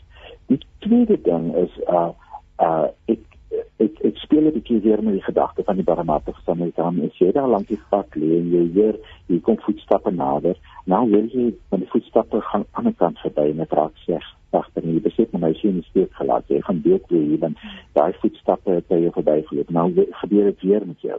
En die derde keer wat dit gebeur, hoor jy na jy kom voetstappe nader. En en skielik wonder jy, maar maar wat gaan nou gebeur en hier hier, hier sal ook vir jou. en en dit het my laat verstaan toe ek nagedink het daaroor daai uh teks in die Bybel van uh how beautiful are the feet, né? We want die mooi se voetstappe van die een wat die goeie boodskap bring. Dis nie net dit wat die die die persoon die, die boodskapper sê nie, maar as jy feit dat hy aangeloop het, maar hy kom tot by my om vir my die boodskap te bring soos sy voetstappe is al al vir my nie. Dit is soos om uh uh uh vir my om in die huis te sit as my vrou iewers heen was en en ek ek verlang na haar skielik hoor ek haar voetstappe en ek ken mos iemand se voetstap. Hmm. En dit is my mooi om te hoor. So so daai daai gedagte om om om uh om, om reg so te lewe dat mense bly as hulle jou voetstappe hoor. Dan dan dink ek die ander ding ook natuurlik as jy dit amper meer as 'n beeld gebruik van van heilige grond waar jy jou skoene moet uittrek. Ja. Om te besef maar sekere dinge is as jy instap in mense se lewens moet jy jou stewels uittrek. Jy kan nie met jou stewels maar ek is reg, ek weet die beste, ek het die antwoord en so dan daai skoene moet jy maar uittrek. Jy moet sagkens loop, jy moet bereid wees om kaalvoete loop is mos nou weerloos te wees, dit nie jou voete kan seer kry. En jy moet in 'n sin jouself amper weerloos maak as jy op die heilige grond kom van waar God met die mense lewe besig is. Want ons moet altyd onthou as ek met my vriendelikheid instap in iemand se lewe en te help as God klaar daar besig en dan moet ek kaalvoet loop. Ja. Maar wat my ook weer eens so mooi is is jy kom by die blaaskans en dan sê jy soms hardloop ons voete so in die spore wat vir ons voorgeskryf is dat ons ver van onsself verwyder raak. Loop vandag die pad na dit wat jou hart bly maak. Oeg, jene Andries, kosbare woorde. Ja, nee, ek ek ek ek moet sê ek dink gejaagdheid is een van ons groot probleme en nie net gejaagdheid maar die feit dat ons onsself wil probeer bewys deur gejaagdheid ons wil amper van mekaar sê ek is besig en ek skaam my as ek net vir mense moet sê nee ek is nou nie eintlik gedag besig nie. Afvoel ek amper maar my lewe is nou nie waardevol maar baie keer ja ons so nie net by ander mense verby by die Here verby natuurlik ook. Maar dit was ook loop ons so dat ons mekaar onsself heeltemal verloor langs die pad. Om dan terug te loop na die vreugde van jou hart en dit is uh, is net hierdie oomblik waarin jy weer ontdek wie God is, wie jy is. En soms sulke oomblikke kan jy eintlik nie jou pad verder loop. Want jy jy vergeet dat jy het om vir mense te dien. En en ek dink dis nog iets wat ek die boek probeer sê, is ek kan net my krag gebruik om heel te maak as ek weet waar my krag lê. Met ander woorde, as ek in voeling is met die gawes wat die Here vir my gegee het, met die vermoëns en al die goed wat die Here vir my gegee het. God het vir my goed gegee dat ek vir ander mense kan bied, maar as ek uitvoering is daarmee, dan kan ek ook reg as ek weet wat ek het te gee en wat gee ek dan met my. Jy het nou die woord gejaagdheid gebruik en dit bring ons by die volgende afdeling in hierdie boek. Oh, jy ons jy verwys ook na die hande. Ons praat nou nie oor elke afdeling in die boek nie, maar ja. Tyd vir vriendelikheid. Ja, gejaagdheid, tyd. Kom ons praat daaroor. Ja, ek ek dink uh daai help die spreektaal ons, né? Baie keer sal mense sê, "Man, ek het nie tyd vir daai ou." Net as jy kan eintlik jy jy, sien nie vir my. Uh dit beteken net letterlik as ek nie tyd het vir jou nie, dan sit ek nie lief vir jou nie. En tyd is een van die goed wat ons moet bestuur. Ek gemaak gebruik daarvan 'n onderskeid wat ek by 'n uh, ander skrywer gekry het van die onderskeid tussen oorlosietyd en geleentheid. Uh uh chronos is die Griekse woord vir wat ons nou sal noem oorlosietyd. Dis die ding wat ons jaag. Is nou so laat ek moet daar wees, ek moet nou dit doen. Ek moet nou dit afhandel en so. Geleentheid is om te sê uh so uh waarvoor is die tyd hier? Uh uh byvoorbeeld as ek sê nou maar my kind stap nou by by, by my deur en hy sê pa ek het 'n probleem. En ek sê ja maar ek het oor 5 minute afspraak. En ja horlositeit nou net my staakie geleentheid. En 'n mens uh, nou nie een van ons dink ek uh kry kry dit reg om heeltemal weerstand te want ons moet dan mekaar konsidereer wat die horlosie betref. Maar om reg tot stilstand te kom gereeld om te dink na watter geleenthede is hier, hoe gaan ek hierdie geleentheid aangryp? En en hoe gaan ek die beste gebruik maak van elke geleentheid? Dink ek dit vriendelikheid het baie daarmee te doen om regtig teenwoordig te wees hierso. Hmm. Uh by iemand. En en ek dink dis dit was nie 'n kwessie van hoeveel tyd mense het nie. Ek sê dit ook dat dat uh as ek sien nou maar by iemand se siekbed staan, en ek is halfuur daar maar daai persoon voel die hele tyd aan ek is gejaag ek wil eintlik iewers anders wees dan is daai dan het ek die geleentheid gemis. Maar ek kan dalk 10 minute daar staan en regtig regtig teenwoordig wees vir die persoon sê jy ek het ek het nou net 10 minute vandag, maar hier 10 minute is joune. En ek gaan regtig ek, wou regtig hoor hoe dit met jou gaan. Dan dan beteken dit waarskynlik meer wanneer jy die geleentheid raak gesien. Ja, weet jy, en natuurlik die oomblik wat ons ons oë van onsself afhaal en weer daai tyd aan iemand anders afstaan, verdwyn die die die grootheid van ons probleme partykeer nê. Nee, dan sien ja. ons dinge vanuit 'n ander perspektief jy bring ons ook natuurlik by woorde 'n vriendelike mond want woorde is wel die, die woord leer vir ons die gevaar van woorde en die gevaar van die tong kom ons praat 'n bietjie hoe hoe vriendelikheid deur deur dit wat jy sê heling kan bring.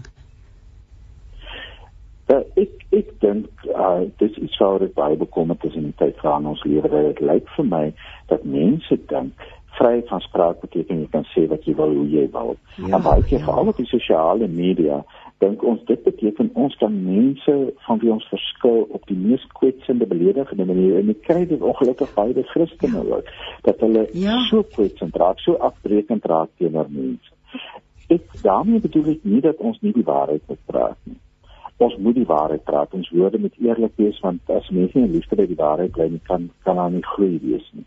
Maar ek bedoel dat daar tog 'n liefdevolle manier is om die waarheid te praat. Dat daar 'n manier is om vir mense te sê ek dink jy's verkeerd, ek het geskuld van jou en ek wil jou reghelp. Uh, maar ek wil jou in liefde teregwys. Ek wil nie uh, en ek wil jou toelaat om my tereg te wys. Ek dink ook ons maak heeltemal te min van woorde wat opbou. Om doelbewus te vra, Here, gee my woorde iemand kan opbou en ek het al so baie in gesprekke belewe dat dat mense as jy agterna terugdink oor die gesprek dan dink jy maar eintlik was meeste van die goed as of sterk of dit was al beledigend of dit was krities ouers dit is en hulle kinders is die hele tyd besig maar dis nie te kort en daar te lank ons doen te min moeite om mekaar reg te bou met ons woorde. Hmm. ja ek het nou hier so 'n nota gemaak. As jy in liefde die waarheid praat as jy nie in liefde of as jy in liefde die waarheid praat, is daar plek vir groei. Dan kan daar groei wees as ons dit so doen. Maar in liefde ja. nie, dis die kernwoord.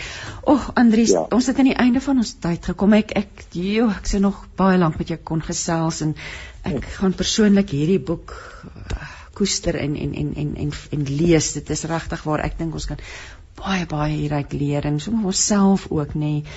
Ek hou daarvan dat jy die vriendelikheid van jouself nader bring. Maar as ons nou met afsluit 'n paar laaste gedagtes van jou kant af ehm um, oor jou boek oor vriendelikheid, wat het jy nog op die hart? Wie ek dink ek gaan net een uh woord sê vir mense wat wat die boek sou lees, mense wat self dink maar heel ek wens ek kon vriendeliker wees. Uh in 1 Korintiërs 13 is die uh uh die vriendelikheid die tweede eienskap van die liefde die eerste een wat Paulus ons gedalk.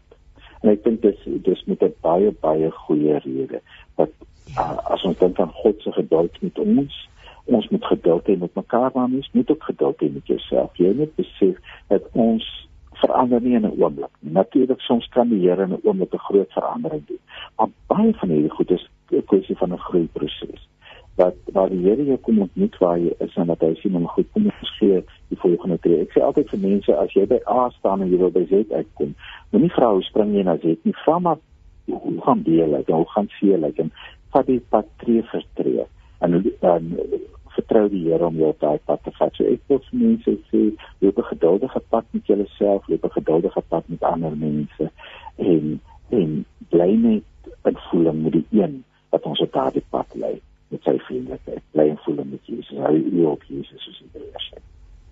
Mm, Andries, baie baie dankie vir jou tyd vanoggend. Ek herhaal as iemand dalk wil weet of nie gehoor het dat die naam van die boek is nie. Dis 'n dagstukkie boek geskryf deur Andri Silje. Die titel van die boek is 100 dae van vriendelikheid en dan die subtitel Gebruik die alledaagse om sagkens heel te maak. Ehm um, die boek is uitgegee deur Lux Verbi, so ek vertrou hy is beskikbaar in uh boekwinkels landwyd. Jy kan ook op Lux Verbi se webwerf gaan kyk NB en ehm um, NB uitgewers Lux Verbi is uh, deel daarvan. So as jy ek gaan intik onder daarvan vriendelikheid, is ek seker jy gaan dit ook vind, selfs as jy Andri se naam intik. So Andri se baie baie geluk met jou boek en groot seën en, en mag hierdie boek baie harte aanraak en en ja, sommer 'n golf van vriendelikheid veroorsaak in ons land. Baie dankie. Ek bid dit daarvoor. En dankie dat jy plan te gestel. Ag, dit was een groot plesier geweest, maar kom ons luister nou na musiek. Ehm um, Wian Vos gaan vir ons sing. En reg, pas dit ook pragtig by wat Andries gesê het. Hy sê dit is Wian sê dit is genade. Deel ons passie vir die lewe op 657 Radio Kansel en 729 Kaapse Kansel. Jy luister na met hart en siel. Marie Kriek vra sê ek het die naam gemis van die boek wat nou bespreek is asseblief kan julle dit net weer deel. Ehm um, en natuurlik ook die skrywer se naam en van ek het um, gesels met Andri Silje.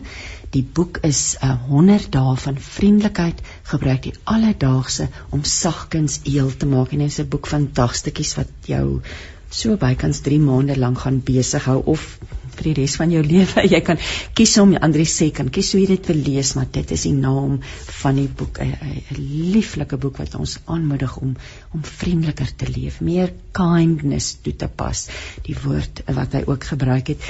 En nou gaan ons gesels met Rita Ingenbleek. Rita is betrokke by die Spar Virtual Women's Challenge al vir baie jare. Môre Rita. Haai, goeiemôre Christine. Wat 'n voorreg om met jou te gesels. Ag Rita, dis te heerlik om met jou te gesels. Ek is net altyd verstom oor die tyd verbygaan en as ons soms om kry, is dit weer tyd vir die resies. Ja. Maar ek wil baie graag met jou gesels. Jy het so 'n interessante tema. Maar ek sien dat jy 'n persoonlike verklaring op jou WhatsApp um, boodskapie maak oor hierdie jaar. Jy sê leef voluit en in vrede en roekelose vryheid. Stap rustig in God se ritme in 2021. Jo, pragtige woorde. Wat beteken hierdie woorde vir jouself, vir jou persoonlik?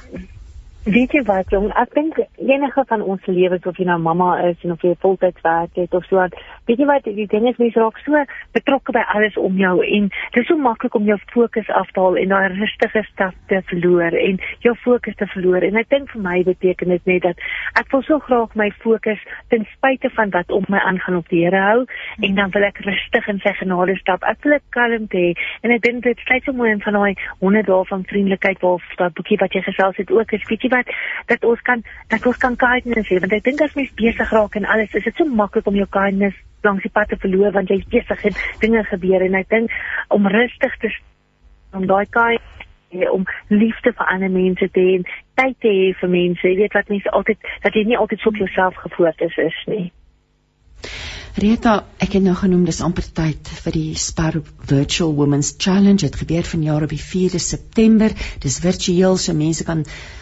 sommer hulle eie huis en hulle eie omgewing en hulle eie strate deelneem maar dit het 'n besonderse slag spreek en ek dink besonderse tye vra vir besonderse dinge um, ons leef in ongewone tye en vir 21 2021 is die tema of die slagspreuk as jy sou kan noem vir hierdie jessies live #livelimitless waar die inspirasie hiervoor vandaan gekom en dan wil ek sommer vir jou vra Wat beteken dit vir 'n gelowige om limitless te leef? Verseker, weet jy wat, kom ek begin met live limitless en ek dink jy het dit so mooi in jou boek in een van die tydskrifte geskryf, leef grensloos. En ek dink nie dit beteken mens gooi alles oorboord wat jy van weet ja. en so aan nie. Wat dit vir my persoonlik beteken het en waar dit vandaan gekom het is dat ek dink partykeer soos lewe aangaan dan dan verloor mens sekere van ons drome, ons verloor sekere dinge waar ons opgewonde raak. En en skielik as jy rustig raak en die Here kom gee weer jou drome vir jou terug en alles, dan sê jy geneig om te sê, "O, maar ek kan nie nou meer nie, want nou is ek al te oud of ek is nou te oorgewig of ek is nou te dit of te dat." Maar weet jy wat die Here gee vir ons daai vermoëns glo ek om te doen. Weet as ons as ons ons drome vir die Here teruggee, dan gaan hy ons limitless maak. Ons genade gee om grensloos te kan lewe. Maak nie saak wat omstandighede en ek dink wat 'n groot bydraende faktor vir my was was dit het vir my gevoel COVID het vir my so kom vertel hoor jy weet jy kan nie dit doen nie. Jy kan nie dit doen nie en jy mag nou nie dit doen nie en alles nie. En op 'n manier moes ek vir sê Here maar ek wil goeders doen. Hoe kan ek dit doen? As ek dan nie dit so kan doen nie kan ek dit dan so doen? En 'n nuwe manier te kry. En ek dink hierdie tyd waarin ons lewe roep ons ook om dinge anders te doen. En weet jy wat dit was vir ons altyd die grootste voorreg gewees om om by Supersportpark 20 net so oor die 25000 vroue daar te gehad het. Maar weet jy wat dit kan nie nou meer gebeur nie. Tye het verander en dis so groot risiko. Ek glo gaan weer eendag hopelik weer kan teruggaan, maar vir nou, in plaas van om net te sê elke dag dinge werk nie uit nie, ek los dit net om te sê maar die Here het vir ons 'n nuwe droom, 'n nuwe hoop gegee om te sê maar hoorie, ons kan nog steeds hoop hê vir mense daar buite. Ons kan nog steeds 'n virtuele wedloop aanbied wat mense kan deel vorm van iets groter as hulle self. Liefdadigheid nog steeds doen deur om skenkings te doen deur middel van hierdie hele projek, maar dan ook om te sê maar hoorie, so, as ons is grensloos. COVID hoef nie weer hoef nie vir my te vertel wie ek is in Jesus nie. Jesus sê ek het sy vryheid, ek het sy vrede, ek het sy liefde en ek kan dit elke dag uitlewe. Kom ons praat oor die resie self. Of die woord virtueel het so deel van ons woordeskat geword. Ehm um, ja. dis 'n virtuele reisie, resies.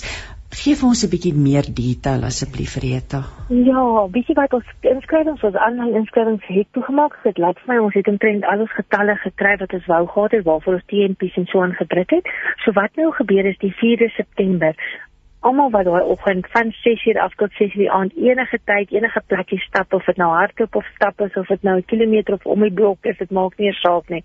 Dis maar net om fotootjies op te laai op die Spar Virtual um uh challenge uh Facebook page en hulle kan maar net enige van die Sport Swane Facebook pages tag daarin en ons laai dit op waar almal dit kan sien en almal gaan maar net deel voel om te sê ook maar kyk hierdie het ook gestap of kyk mooi lyk hulle T-shirts of ek het byvoorbeeld het ons die ehm um, die blinde uh, honde uh, vereniging wat wat hulle honde gaan bring. Want dit is so interessant vir my want selfs daai honde leer jy daai mense om limitless te wees. Jy weet hulle gee hulle sig wat hulle het nie. So ons het die honde betrokke en hulle gaan saam met 'n paar blinde mense om en ek dink dit is iets wat dit so lekker maak is dat mense weer besef maar daar is ons het die vermoë so daai dag gaan mense stap en hulle gaan deel wees van dit hulle gaan hulle foto's deel hulle gaan hulle stories deel en selfs hulle getuienisse deel om wat dit 'n verskil in hulle lewe of iemand anders se lewe gemaak het.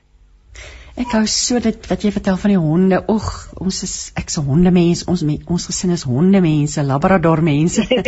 so, oeg, ek kan myself net in ek maar hoe pragtig wat jy sê die honde stel hierdie mense in staat om grensloos te leef. Ek het ook herinneringe van van mense in rolstoele in die tyd dat ons ja. nog die resies kon almal saam doen. Mense in rolstoele, mense wat hulle stoot, mense wat ek dink ons beperk soms mens wees nê Rita. So hierdie ja. tema in hierdie tyd. O, oh, ek dit voel vir my kragtig en ek dink dis iets wat ons ter harte kan neem. Weet, ek ja. dink soos jy ook sê, COVID het ons ja, dit het ons denke begin inperk op 'n manier nê. Ja. Ons ons, ja. ons ons raak swaarmoedig. Ons En hierdie hierdie boodskap wat jy hulle uitstuur, voel dit vir my dit moet oral uitkom, weet jy.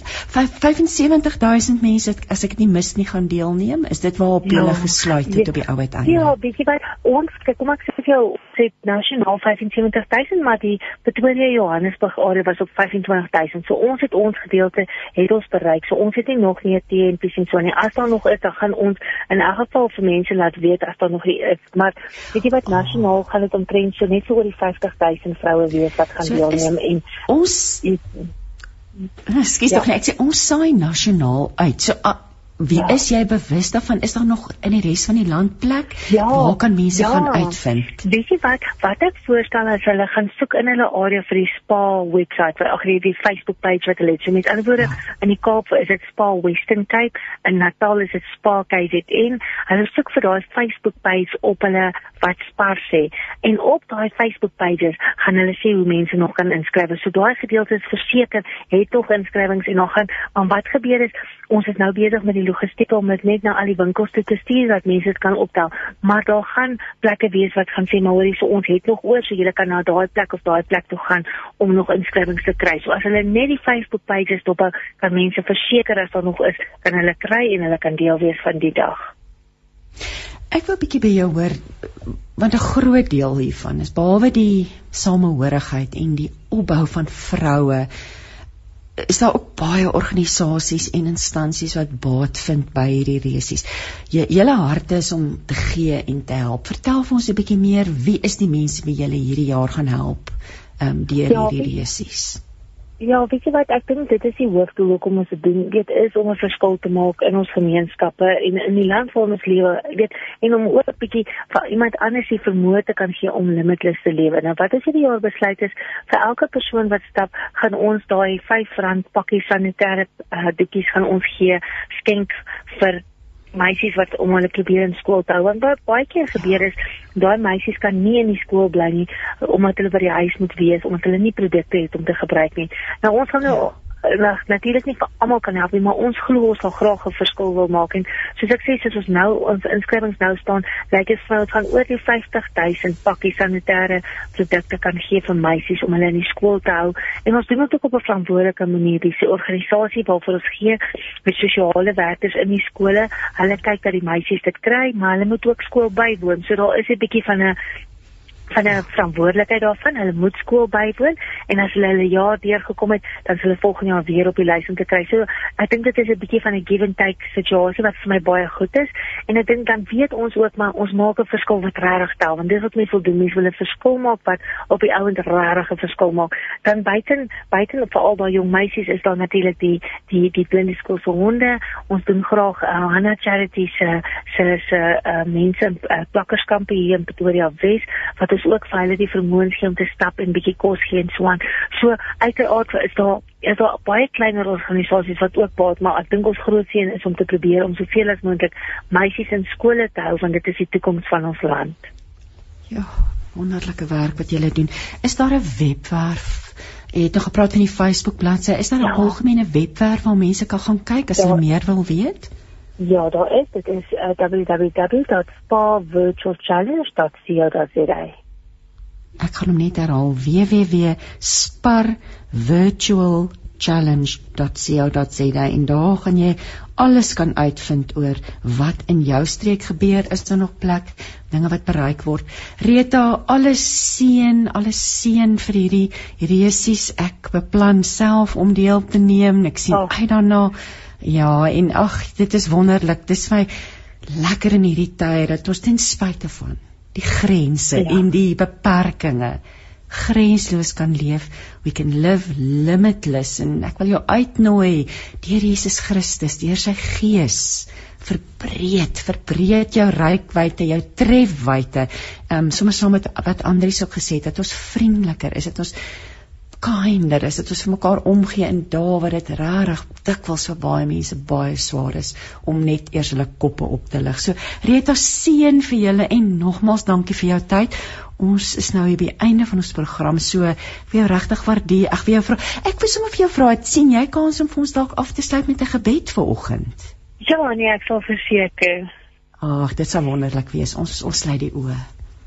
Almagtige Hemelse Vader, Here, dankie dat ons na U toe kan kom, Here, en dat ons U kan vertrou om in ons alledaagse lewe, Here, grensloos te begin lewe, Here, om roekeloos te wees vir U, Here, met U genade, Here. Ek bid vir elke persoon daar buite, Here, wat geraak is deur COVID, Here, wat wat moedeloos is en wat afgeplat is, Here. Gee hulle hoop vandag, Here. Gee hulle 'n nuwe begin, Here.